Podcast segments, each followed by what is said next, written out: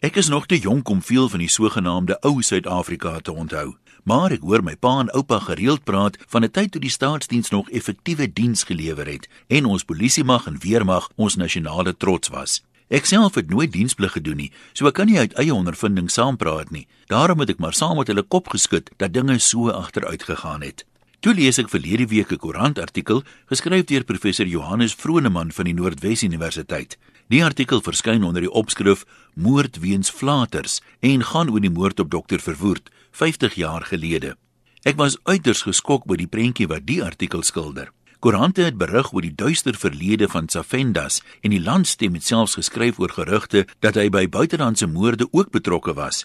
Die mens kan dit seker afmaak as die pers wat sensasie soek, maar toe bevind regter Theo van Wyk dat die plusgetroue amptenare van binnelandse sake nalatig was in die hantering van die moordenaar Tsafenda se sake.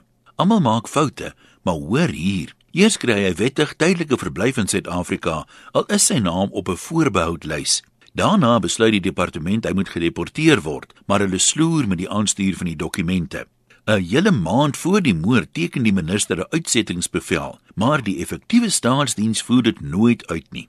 Daar is 4 jaar voor die moord besluit mense wat in die parlement werk, moet polisieklaring kry, maar Tsafendas kry daar sonder werk as 'n bode.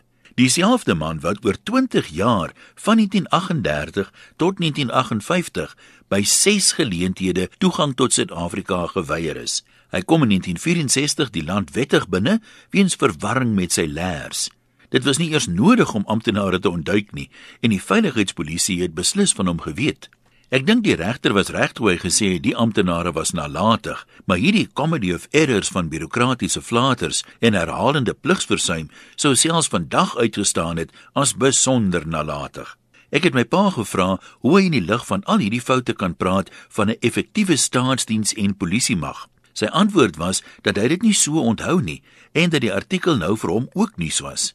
Dit nadat foto's van ou koerant voorblaaie saam met die nuwe artikel verskyn het. Ek is baie lief vir my pa, maar ek is regtig nou verward. Skielik wonder ek hoeveel van sy ander stories ook die resultaat is van 'n selektiewe geheue. Pa kon nie verklaar hoe Tsafendas ten spyte van alles werk in die parlement kon kry nie en ten spyte van 'n uitsettingsbevel daar kon aanhou werk nie maar om een of ander rede het hy kwaad geword toe ek vir hom hierdie sinnetjie uit die artikel voorlees.